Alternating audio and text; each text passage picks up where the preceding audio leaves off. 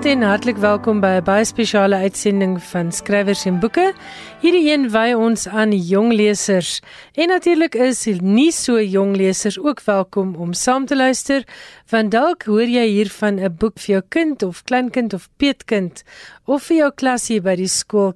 En om die program so bietjie van 'n vakansiegevoel te gee, het ek besluit om ook te gaan kyk na topverkoper kinderboeke wat topverkoper films geword het en ons gaan 'n bietjie luister na musiek uit hierdie verskillende films.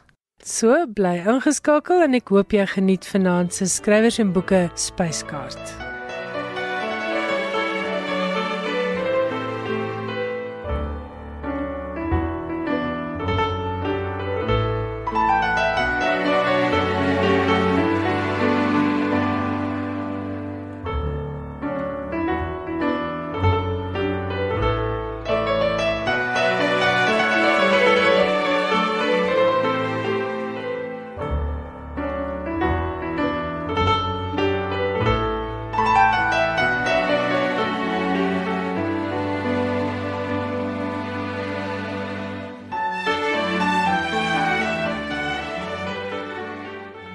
How to Train Your Dragon is een van die suksesvolste kinderboekreekse wat ooit in Brittanje verskyn het.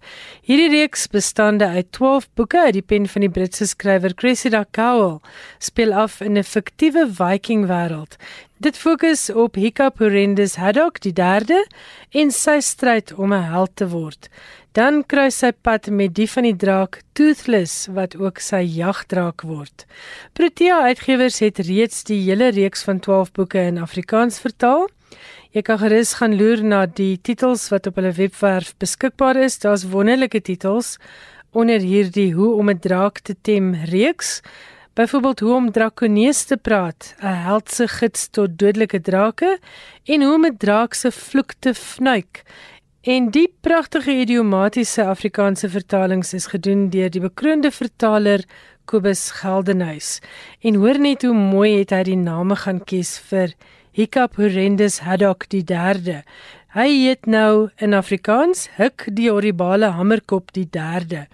Hik is 'n fantastiese swartvegter, 'n draaktemmer en die beste Viking held wat al ooit gelewe het. Of so hoop hy natuurlik kan Huk met 'n Haasback draak die draak inisiasieprogram slaag en boonop die See Draconius Colossalicus Maximus verslaan voordat die wreedaardige gedierte elke Viking op die eiland te berg vermorsel. En dit is die tema van hierdie reeks waarin Huk moet leer om 'n held te wees. In 'n onderhoud het Cressida Cowell vertel dat sy die reeks begin het deur 'n kaart van die eiland te berg te teken. Sy het hierdie idee gekry toe sy gelees het dat die beroemde Robert Louis Stevenson ook eers 'n kaart geteken het van die eiland waarop sy trefferboek Skat Eiland afspeel voordat hy aan die boek begin skryf het. So 2 of 3 weke gelede is ek een Saterdagmiddag by Alice Park saam met my kinders. Die plek is vol gesinne wat kom rugby kyk het en toe ons om 'n hoek loop, toe loop ek in 'n gesinnetjie vas waarvan die oudste dogter, ek skat haar so 12 jaar of so, met 'n dik Harry Potter boek so teen haar bors vasgeknyp loop. En ek moes lag kry want die lesers onder ons het altyd 'n boek byderhand. Ek het weliswaar nog nooit 'n boek na 'n rugbywedstryd toe geneem nie, maar ek het al boeke op snaakse plekke in mense se hande gesien. So in vanaand se program gaan ek 'n bietjie vertel van nuwe kinder- en jeugfiksie wat in die afgelope paar maande in Afrikaans verskyn het. En as jy 'n ywerige leser ken in die huis sit of as jy van jou kind 'n ywerige leser wil maak, kry 'n pen en papier gereed en skryf 'n bietjie van hierdie titels en skrywers neer. Ons begin in die ouderdomsgroep 3+ En ons gesels heel eerste oor pragtige piesangs. Dit is 'n vertaalde titel wat onlangs by Lapa verskyn het.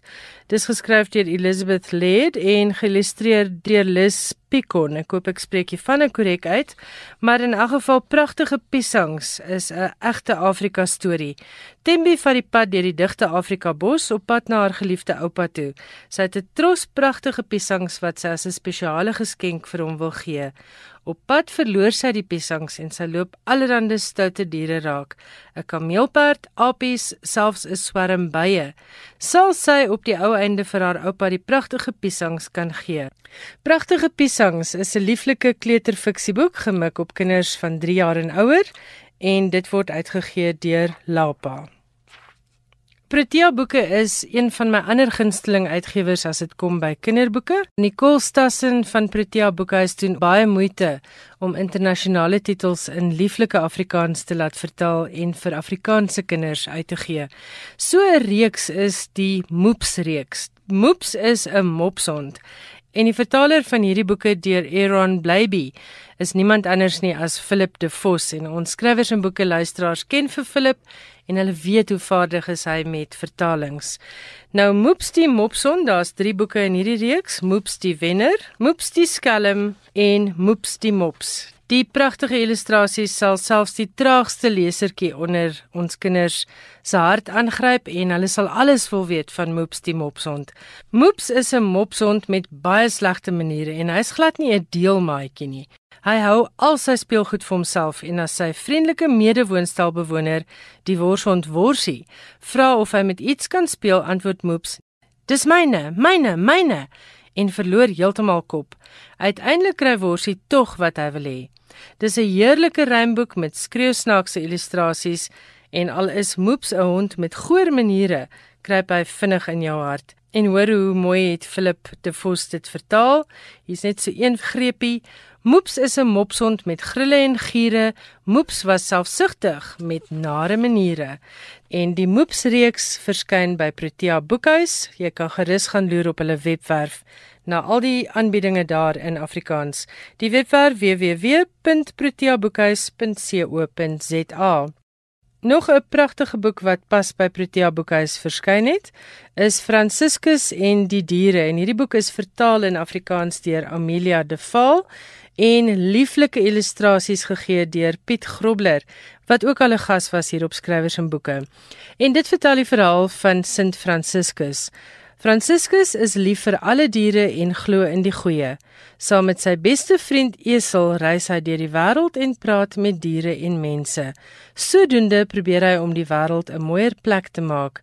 Hierdie prenteboek met kleurryke tekeninge is gebaseer op die lewe van die heilige Franciscus van Assisi wat tussen 1181 en 1226 gelewe het. Hierdie is regtig 'n pragtige boek veral vir kinders wat lief is vir diere.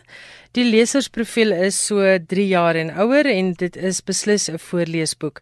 Ook beskikbaar by Protea Boekhuis en die titel net weer Franciscus en die diere. Jaco Jacobs is waarskynlik die kinderboekskrywer wat nog die meeste titels in Afrikaans gepubliseer het. Dit sluit sy eie oorspronklike verhale in en ook natuurlik al die vertalings van internasionale werk.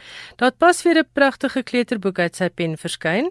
Die boek se naam is Die beste toebroodjie en as jy gewonder het hoe lyk die vreemdste, verbasendste, voortreffelikste toebroodjie ooit, dan moet jy hierdie boek onderhande neem.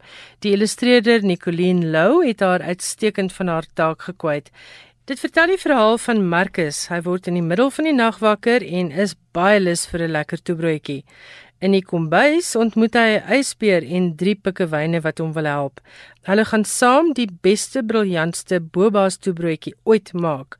Dit klink goed, maar daar's 'n klein probleempie. Marcus dink nie vis meer en konfyt hoort saam op een broodjie nie. Sy helpers sien egter geen probleem daarmee nie. Die beste toebroodjie is een van Jaco Jakob se ou gunstelinge. Dit is heruitgegee en dit word opnuut watertand lekker met vars bestanddele voorgesit om die jongspan te laat gril van plesier. Dit is die beste toebroodjie deur Jaco Jacobs uitgegee deur Lapa Uitgewers en soos ek sê gaan loer gerus ook op Lapa se webwerf vir 'n uitstekende aanbod van Afrikaanse kinder- en jeugboeke www.lapa.co.za En Protea Boekhuis se webwerf is www.proteaboekhuis.co.za. Dan het daar 'n splinternuwe saamgestelde My Storiekus deur Leon Rousseau verskyn by NB Uitgewers. Nou Leon Rousseau is al 'n ou hand as dit kom by kinderfiksie. Hy is 'n oud uitgewer wat saam met Koos Himan, Himan en Rousseau Uitgewers begin het. Leon Rousseau was ook die skepper van die baie bekende Fritz Deelman boeke en die topverkoper Storyman reeks. My storiekus is 'n skatkis van 21 sprokies, fabels en dierestories, versamel en oorvertel deur Leon Rousseau. Die bundel is ideaal vir voorlees of vir kinders wat reeds self kan lees. Daar is klassieke sprokies in soos Aspoestertjie en ook volksverhale soos Die Gulsige Seekoei wat vermaak met herhaling, ritme en rym. En dan is daar ook fabels soos Die leeu en die muis wat morele kwessies aanraak. Hier is beslis iets vir elkeen in hierdie boek. Dit is gemik op kinders tussen 6 en 9 jaar oud. En soos ek gesê het, my storiekus is ideaal vir selflees of vir voorlees. Dit het onlangs verskyn by Human en Resou, 'n druknaam van NB Uitgewers. In my navorsing oor kinderboeke wat topverkoper flieks geword het, het ek afgekom op die geskiedenis van Shrek. Nou ja, laat ek maar erken, ek is 'n groot Shrek-aanhanger. Ek het dit saam met my kinders gekyk en ek het my verkneukel in die avonture van die groen moerasmonster. Wie kan nou 'n wonderlike komiese karakter soos Donkey vergeet? Maar wat ek nie geweet het nie, is dat Shrek gebaseer is op die gelyknamige strokiesboek deur William Steig wat in 1990 in die FSA gepubliseer is. Die naam Shrek is gebaseer op die Duitse woord Schreck wat vrees of skrik beteken. Nou ietsie oor William Steig, hy word ook in Amerika die King of Cartoons genoem. Hy het reeds in 1930 vir die New Yorker begin teken en met sy aftrede meer as 2600 spotprente en 117 voorblaaie vir die beroemde publikasie geteken. Op die ouderdom van 61 het hy begin om kinderboeke te skryf en daar het uiteindelik meer as 30 kinderboeke uit sy pen verskyn. En dit is nie net Shrek wat hom beroemd gemaak het nie. Sy eerste groot sukses was sy derde kinderboek, Sylvester and the Magic Pebble, wat in 1969 met die Caldecott Medal bekroon is. Steig het tot in sy 90s steeds kinderboeke geskryf. Hy is in 2003 oorlede in die ouderdom van 95, maar het daarom geleef om te sien watter reuse sukses Shrek wêreldwyd was. Nou kyk ons 'n bietjie na boeke vir kinders van 7 jaar en ouer en ek het ver oggend die pos oopgemaak en die pragtigste twee boekies daar gekry. Splinternuut vuurwarm van die drukpers af deur Teresa van Balen. Die eerste boekie se naam is Vakansiepret 3, die Kolwyntjie kompetisie. Nou dit is 'n heerlike verhaal waarin Jana en Alicia mekaar sien wanneer hulle gesinne saam vakansie hou op Duinebaai. Hierdie vakansie beloof om baie opwindend te wees. Alicia kry 'n pamflet wat 'n kolwyntjie kompetisie aankondig en dit maak almal opgewonde, selfs Jana se jonger boetie Tian. Jana en Alicia oefen sommer lank voor die kompetisie al om kolwyntjies te bak en hoe dit afloop, gaan jong lesers kan uitvind in Teresa van Balen se boek Die kolwyntjie kompetisie. En as hulle gehou het van Jana en Alicia se avonture, dan moet hulle beslis ook Sand, See en Dolfyne lees. Hierin beleef Jana en Alicia die heerlikste glyplank wat by die swembad op Duinebaai opgerig word. Jana, Alicia, Tian en Rudy is so gretig om by hierdie nuwe glyplank af te gly, maar ongelukkig is die res van Duinebaai net so opgewonde en dit is stampvol by die swembad. Dis 'n heerlike selfleesreeks vir kinders van 7 jaar plus. Daar is 48 bladsye in so 'n boekie en dit is pragtig geïllustreer deur Zenelda McDonald. Hierdie reeks vir meisies fokus op humor, vriendskap, vakansiepret en avontuur. Sandsee en dolfyne en die kolwyntjie kompetisie word uitgegee deur Lapa Uitgewers en dit word geskryf deur Teresa van Balen. Die Zinzi en Safraan reeks wat pas by Lapa verskyn het, is 'n vertaling van die werk van Asia Citrou met illustrasies deur Marion Lindsay. Hierdie unieke reeks boeke prikkel jong meisies se belangstelling in die wetenskap deur opwindende verhale oor magiese diere, monsters, avonture en raaisels te vermeng met interessante feite en wetenskaplike eksperimente. Dit is gemik op kinders van 7 jaar en ouer en is regtig regtig pragtig. Gaan kyk gerus na dit in die boekwinkel. Ek is seker daarvan meisietjies van 7 jaar plus gaan beslis daarvan hou vir alles hulle hou van mooi stories. Daar's 6 boeke in hierdie reeks. Die eerste titel is Drake en Malvalekkers. Hierin ontdek Zinzi 'n gloeiende foto en so leer sy 'n groot geheim. Magiese diertjies wat beseer is, besoek Zinzi en Safran se skuur in die agterplaas op soek na hulp. Een van hulle is 'n baba draak. Sal Zinzi en Safran die draakie betyds kan help? Dan is daar Monsters en Muff. Die tweede boek speel ook af in Zinzi en Safran se skuur wat 'n veilige hawe word vir beseerde magiese diere. In hierdie boek ontmoet ons vir Gorp, 'n bosmonster. Hy het hulp nodig, maar hy kry 'n bietjie skaam oor sy probleem. En as hulle raad nie help nie, dan verander Gorp die nare monster in 'n huilende monster. Maar gaan lees self of Zinzi en Safran vir Gorp die bosmonster kon help. Hierdie boek se naam Monsters en Muff. Meerpertjies en borrels is die derde boek in die Zinzi en Safran reeks.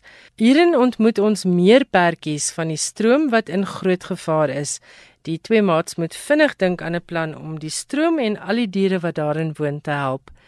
Kykie vlinders en ys is die vierde titel. 'n Groot sneeustorm veroorsaak baie moeilikheid vir die magiese diere wat in die woud bly en Zinzi en Safran moet probeer om die eiers van die magiese katjie vlinder te red. Maar dan maak hulle 'n groot fout en voordat die diertjies begin uitbroei, moet hulle dit regstel. Die 5de Zinzi en Safran boek heet Paddas en plante en hulle kry 'n besoeker, Pip, wat 'n gloeiende saadjie het. Die drie vriende moet dan vinnig uitvind wat die saadjie nodig het om te groei voordat dit te laat is. En die 6ste Zinzi en Safran boekie is getiteld Towerponies en Kieme. 'n Aardbewing laat Zinzi hulle se huis skud. Is dit 'n towerponie wat beweeg het? 'n Baie groot nuwe vriend daag op, maar hy het erge pyn en Zinzi en Safran moet help. Zinzi haar ma en Safran dink hierdie keer saam 'n plan uit. Hierdie oulike reeks Zinzi en Safran word uitgegee deur Lapa Uitgewers. Dis gemik op kinders van so 7 jaar en ouer en ook pragtig geïllustreer. 88 bladsye per boek maak dit 'n baie lekker boekie om kinders hierdie vakansietyd besig te hou. Jaco Jakob se Draakasem is 'n splinternuwe avontuurverhaal wat gaan oor bang wees en dapper wees, want binne in elkeen van ons is daar 'n draak wat ons kan help om ons vrese te oorkom.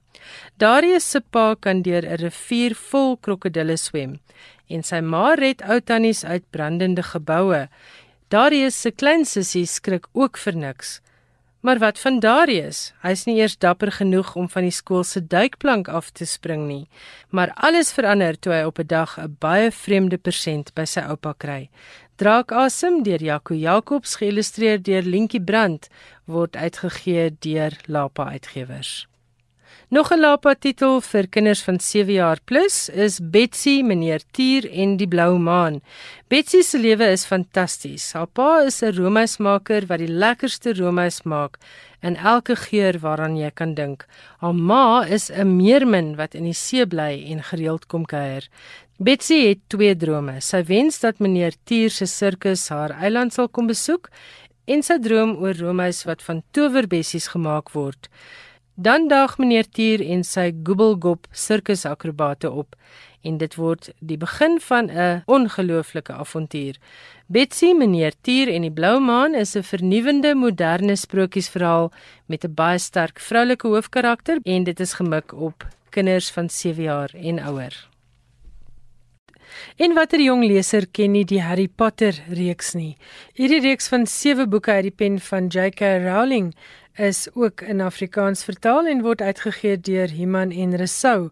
Die eerste 5 boeke is deur Janie Oosthuizen vertaal en die 6ste en 7de boek is deur Kobus Geldenhuys in Afrikaans vertaal.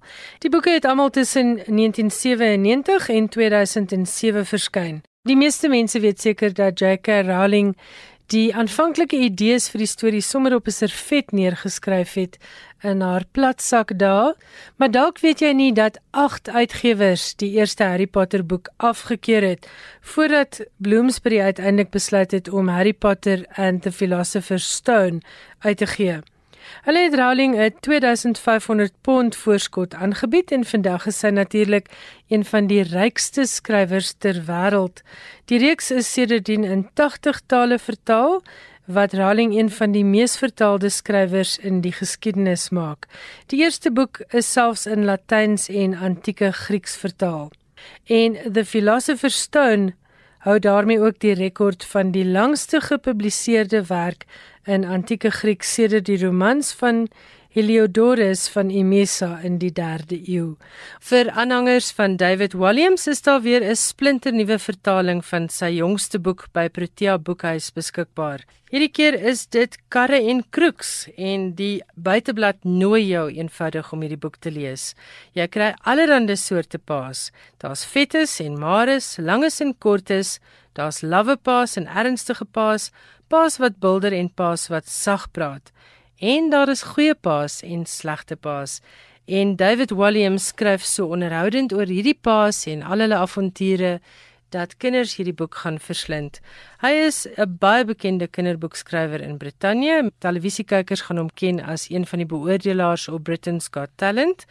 Hy is tans die grootste Britse kinderboekauteur wat die afgelope dekade gedebuteer het. Sy boeke is al in meer as 40 tale vertaal en het al meer as 40 miljoen eksemplare verkoop. Protea Boekhuis het 'n hele reeks David Williams boeke in Afrikaans.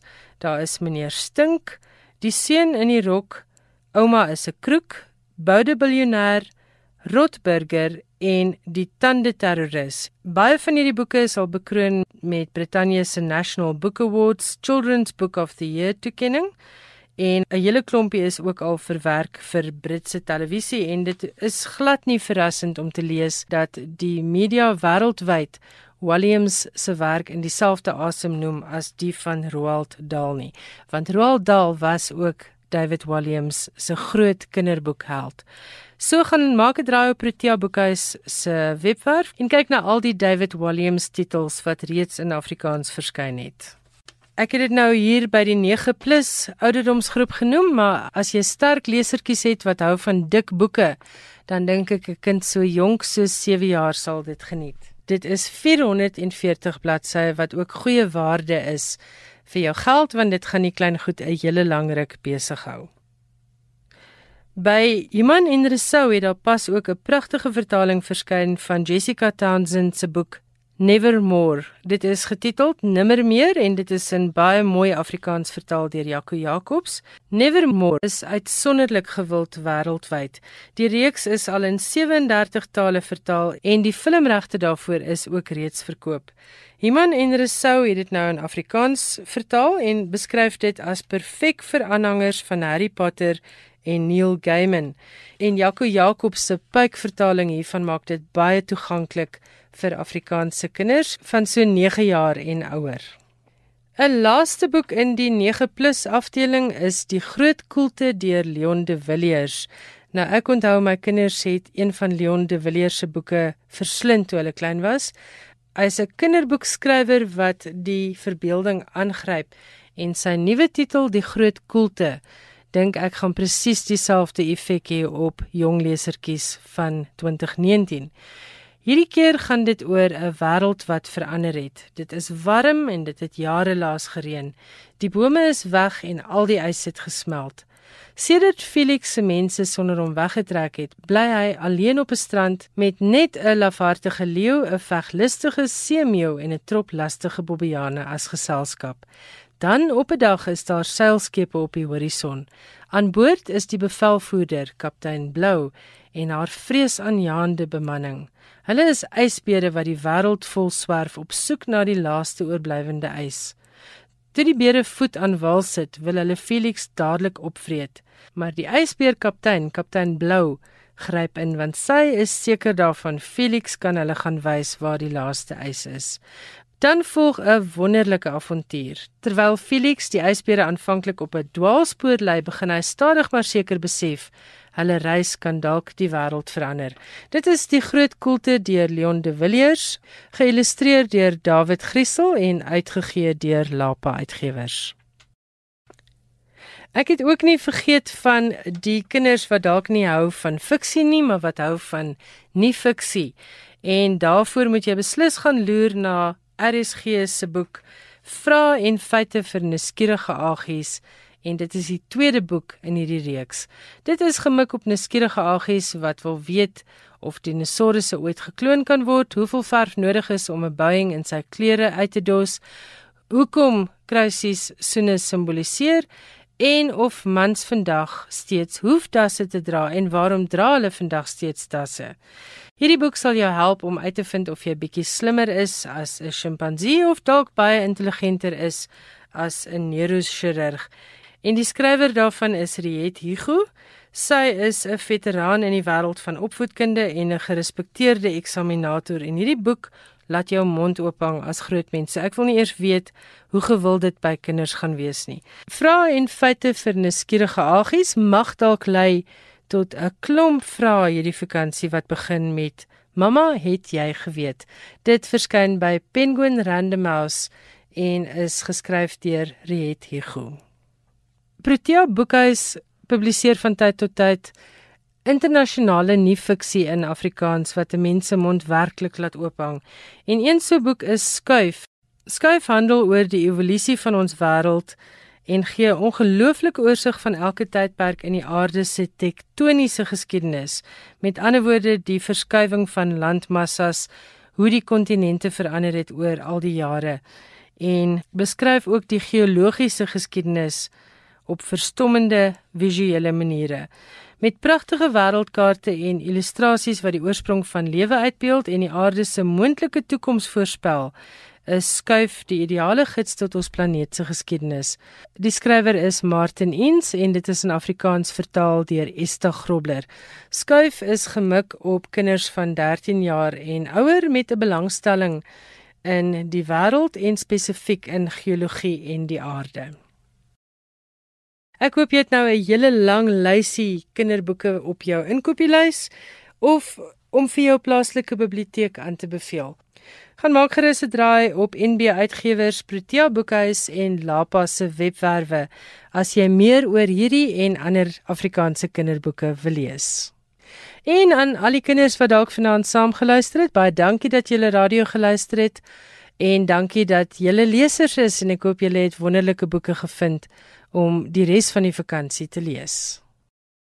Mary Poppins is ewenigs 'n baie geliefde kinderboekkarakter wat later op die silwerdoek bekendheid verwerf het. Die eerste Mary Poppins boek is reeds in 1934 gepubliseer. Die skrywer daarvan was P.L. Travers en die laaste boek in die Mary Poppins reeks het in 1988 verskyn.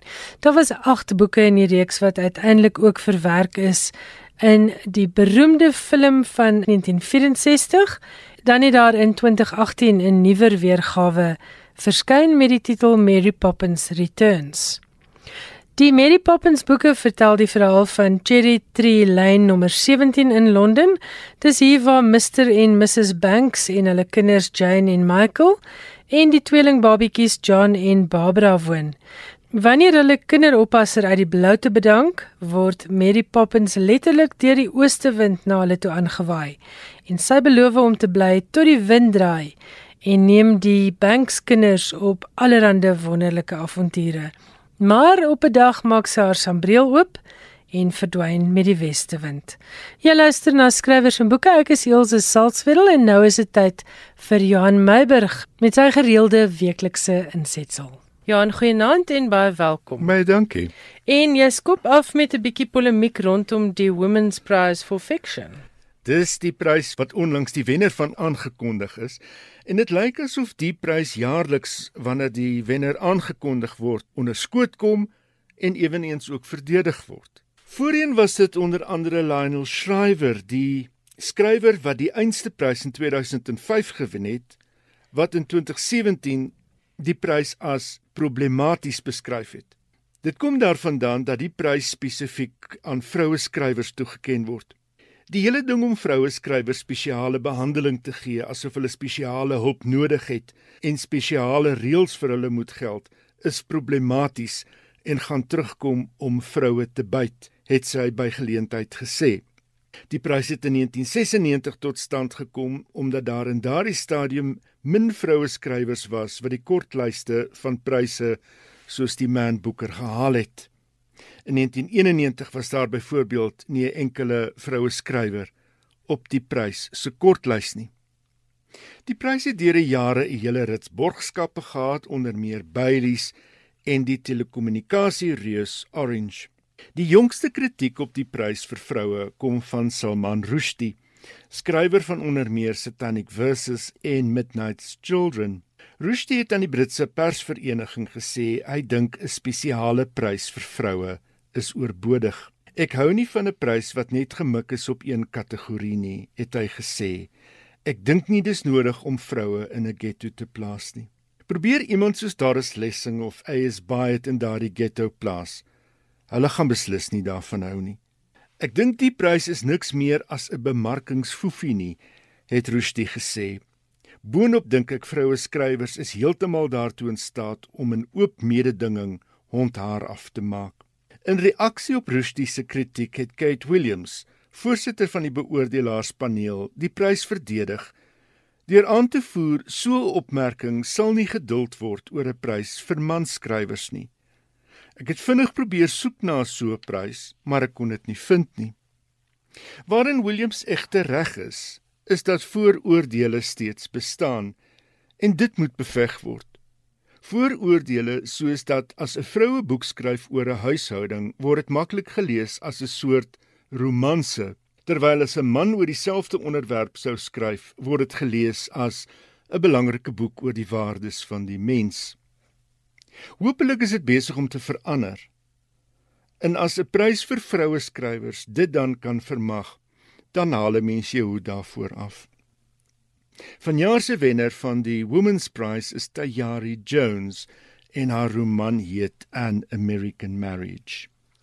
Johan, ek het ook my eie siening hieroor want ek dink ons is besig om so polities korrek te raak dat ons baie keer die baba met die badwater uitgooi. Ek dink dit is wonderlik vir enige skrywer as daar 'n prys is wat hom of haar kan beloon vir ekstra werk want ons almal weet boekskryf op sigself betaal nie. So hoekom nou 'n prys aanval wat goeie skryfwerk beloon net omdat die persoon van 'n sekere geslag is? Dis my eerste punt en my tweede punt is my ervaring hier by skrywers en boeke wanneer ek met vroue skrywers praat is dat hulle hulle skryfwerk inpas tussen ma wees en huishou en al die ander dinge terwyl die indruk wat ek altyd kry van manskrywers is dat hulle die deur toe trek skryf en net daarop hoef te fokus. So miskien uit 'n vrou se perspektief dink ek regtig waar uh vroue skrywers het dit nie noodwendig altyd so maklik soos manlike skrywers. Oor daardie onderskeid is ek nie seker nie, maar wat ek wel van seker is is dat hierdie vooroordeele wat steeds bestaan, dat mens daaraan moet begin torring en meer daaraan torring, mm. dat daar soos wat hulle sê 'n gelyk speelveld tot stand kan kom of so gelyk as moontlik. My stywer wat ek in die armbeers wil gooi is: laat die mense wat die pryse toeken aanhou om dit toe te ken. Tensy dit openlike diskriminasie is, kan ek regtig nie 'n probleem sien daarmee nie. My stywer sou wees dat ons oper na 'n situasie moet kyk dat dat dat mense vryheid het om hulle uit te druk en dat hulle gewaardeer word vir hulle uitdrukking. Goed, en dan gaan jy praat oor nog 'n prys, die Dublin prys. Is daar al polemiek? Wel, dit dis net baie interessant. Kan een enkele stem 'n verskil maak? Duidelik As 'n mens in ag neem wat gebeur het met die aanwys van die internasionale Dublin Prys vir letterkunde. Die prys werk so: Openbare biblioteke reg oor die wêreld kry geleentheid om hul gunsteling boeke te benoem. Uit die boeke word dan 'n lang lys saamgestel van jare alle mintige 141 boeke waaruit 'n kort lys en uiteindelik dan die wenner gekies word. Dit was 'n roman wat 'n enkele benoeming gekry het van 'n biblioteek in Brugge in België wat vanjaar as wenner van die prys aangewys is. In geldwaarde is dit die grootste prys vir 'n individuele roman, net minder as 1,7 miljoen rand. Die wenner is Emily Ruskowitz en sy het die gesogte prys opgeraak met haar debuutroman Idaho. Die roman speel af in die Amerikaanse deelstaat waar die 33-jarige Raskovich groot geword het. Op 'n warm dag in Augustus ry 'n gesin die berg uit om te gaan hout haal. Die ma kap kleiner takkies van die stamme af. Die pa stapel die hout en die twee dogters, June en May, 6 en 9 jaar oud, drink limonade en speel speletjies. Maar dan gebeur iets wat die gesin uitmekaar laat spat. Die verhaal wat volgens Raskovich in wese oor liefde gaan, word uit verskillende hoeke vertel en op die manier kry die leser eerstehands insig in die gemoed van die karakters. Raskovich se roman het verlede jaar aandag getrek toe dit op die kortlys was vir die Dylan Thomas Prys. Kayo Chingonyi het egter toe die prys gewen met Kumakanda. Hier lees Emily Raskovich voor uit Idaho. Die boek word uitgegee deur Vintage. I'm going to read you a very brief passage about a husband and wife, Anne and Wade. Wade has early onset Alzheimer's disease, uh, and in the past he had a family, um, but uh, he lost both of his daughters. His youngest was killed, and his older daughter ran away after witnessing the murder. And so Anne, his new wife, is trying to figure out what's important for him to remember and what it's okay for him to forget. Anne, waiting for her piano student one winter afternoon, sings as she plays. The melody is simple, but she has improvised complications. It is the song that has been caught in her life all these years, the song whose simplicity carries with it endless questions, unspoken feelings. Wade is in his workshop, so he can't hear. He hasn't heard this song since their early courtship. Her fingers move swiftly without her across the piano, disconnected, freed. She can't think of a note, or else she will lose the music from her hands. The music that is not a memory any longer, but a feeling in her fingertips, a presence inside of her that can't be watched, or else it disappears. She thinks of Wade. He has lost his daughters, but he has also lost the memory of losing them. But he has not lost the loss. Pain is as present in his body as his signature is in his hand. He can sign his name perfectly, but he can't print it.